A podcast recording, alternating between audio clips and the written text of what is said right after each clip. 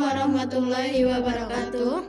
Perkenalkan nama saya Ira Salsabila. Saya Nurul Abni Septianingsih.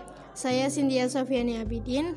Saya Putri Rahayu dari kelas 12 Multimedia 1 Sekolah SMK Ma'arif NU Tonjong.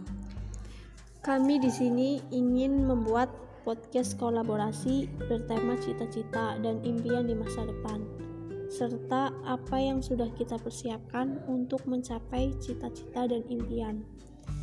Jadi gini, selama pandemi COVID, menurut kalian sekolah daring nyaman gak sih? Kita bahas satu persatu dari Nurul. Menurut saya, daring itu gak nyaman. Kenapa kamu gak nyaman? Ya, karena agak bingung dan sedikit gak paham. Sekarang pendapat dari Cynthia. Menurut kamu, sekolah daring itu gimana?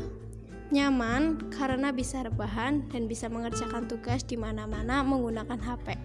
Dan sekarang dari Putri Rahayu, gimana sih sekolah daring? Menurut kamu nyaman gak? Nyaman banget karena bisa membantu ibu memasak dan menyapu halaman dan bisa mengerjakan soal di rumah dengan santai dan rebahan. BTW, sekarang cita-cita apa yang kalian impikan? Nurul Afni, apa yang kamu cita-citakan dan impikan? Kalau saya sih punya cita-cita jadi dokter supaya bisa menyembuhkan orang yang sakit. Semoga cita-cita saya terwujudkan. Amin. Apa yang sudah dipersiapkan untuk menjadi dokter? Ilmu, mental, fisik, dan doa dari diri sendiri dan kedua orang tua. Dan selanjutnya untuk Cynthia, cita-cita apa yang kamu impikan? Impian saya ingin menjadi pramugari.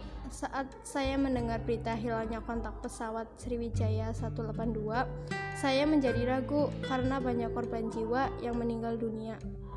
Apakah kamu tidak ingin mempunyai keinginan lagi? Untuk saat ini, saya belum memikirkan cita-cita lagi.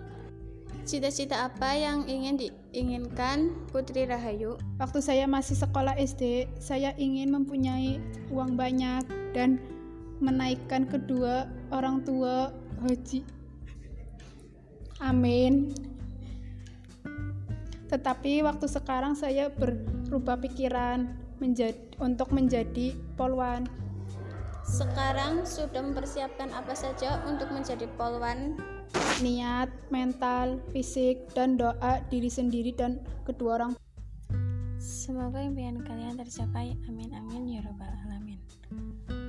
Untuk mencapai kesuksesan, sering kali kita dihadapkan pada kegagalan-kegagalan. Tentu bukanlah hal yang mudah untuk kembali bangkit dan semangat setelah kegagalan itu.